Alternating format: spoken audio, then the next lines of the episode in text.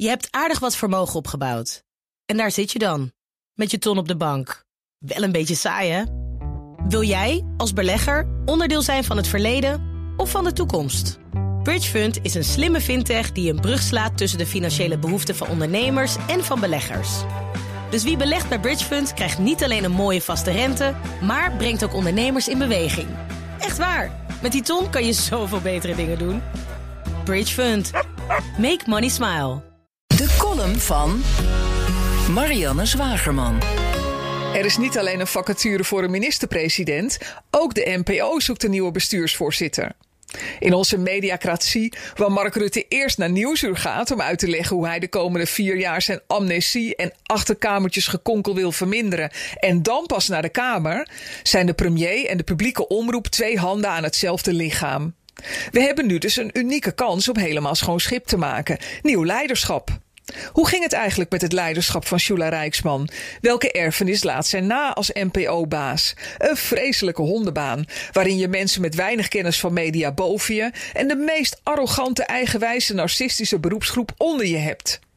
Net als de Tweede Kamer is de publieke omroep een onbestuurbare warboel geworden met allemaal splinterclubjes. Er komen er nu waarschijnlijk weer twee bij. Omroepen die aan de ene kant geen centimeter ruimte krijgen en moeten uitzenden wat de machtige NPO-zendercoördinatoren willen, maar aan de andere kant volstrekt hun eigen gang gaan, zonder verantwoording af te leggen over hun financiële handel en wandel. De NPO ontvangt 850 miljoen euro belastinggeld, maar de organisatie heeft weinig inzicht of Hilversum dat geld doelmatig besteedt, oordeelde de Algemene Rekenkamer in 2019.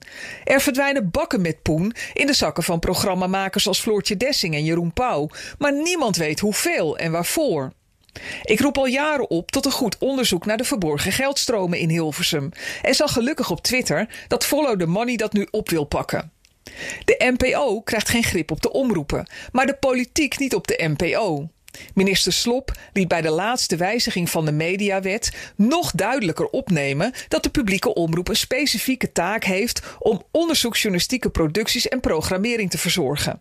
De NPO moet diepgravende journalistiek leveren als tegenmacht in onze democratische rechtsstaat. Dat doen ze maar mondjesmaat. NPO-zenderbaas Frans Klein, de man die andere tijden de nek omdraait, zei vorige week dat maar de helft van het tv-budget naar informatieve programma's gaat. Hij leeft in de veronderstelling dat talkshows journalistiek zijn, in plaats van gemakzuchtige babbelboxjes zonder onderzoeksredactie. Op de site van Headhunter de Fruit en Cherry bestudeerde ik de acht pagina's profielschets voor de nieuwe NPO-bestuursvoorzitter. Het woord journalistiek kwam nul keer voor.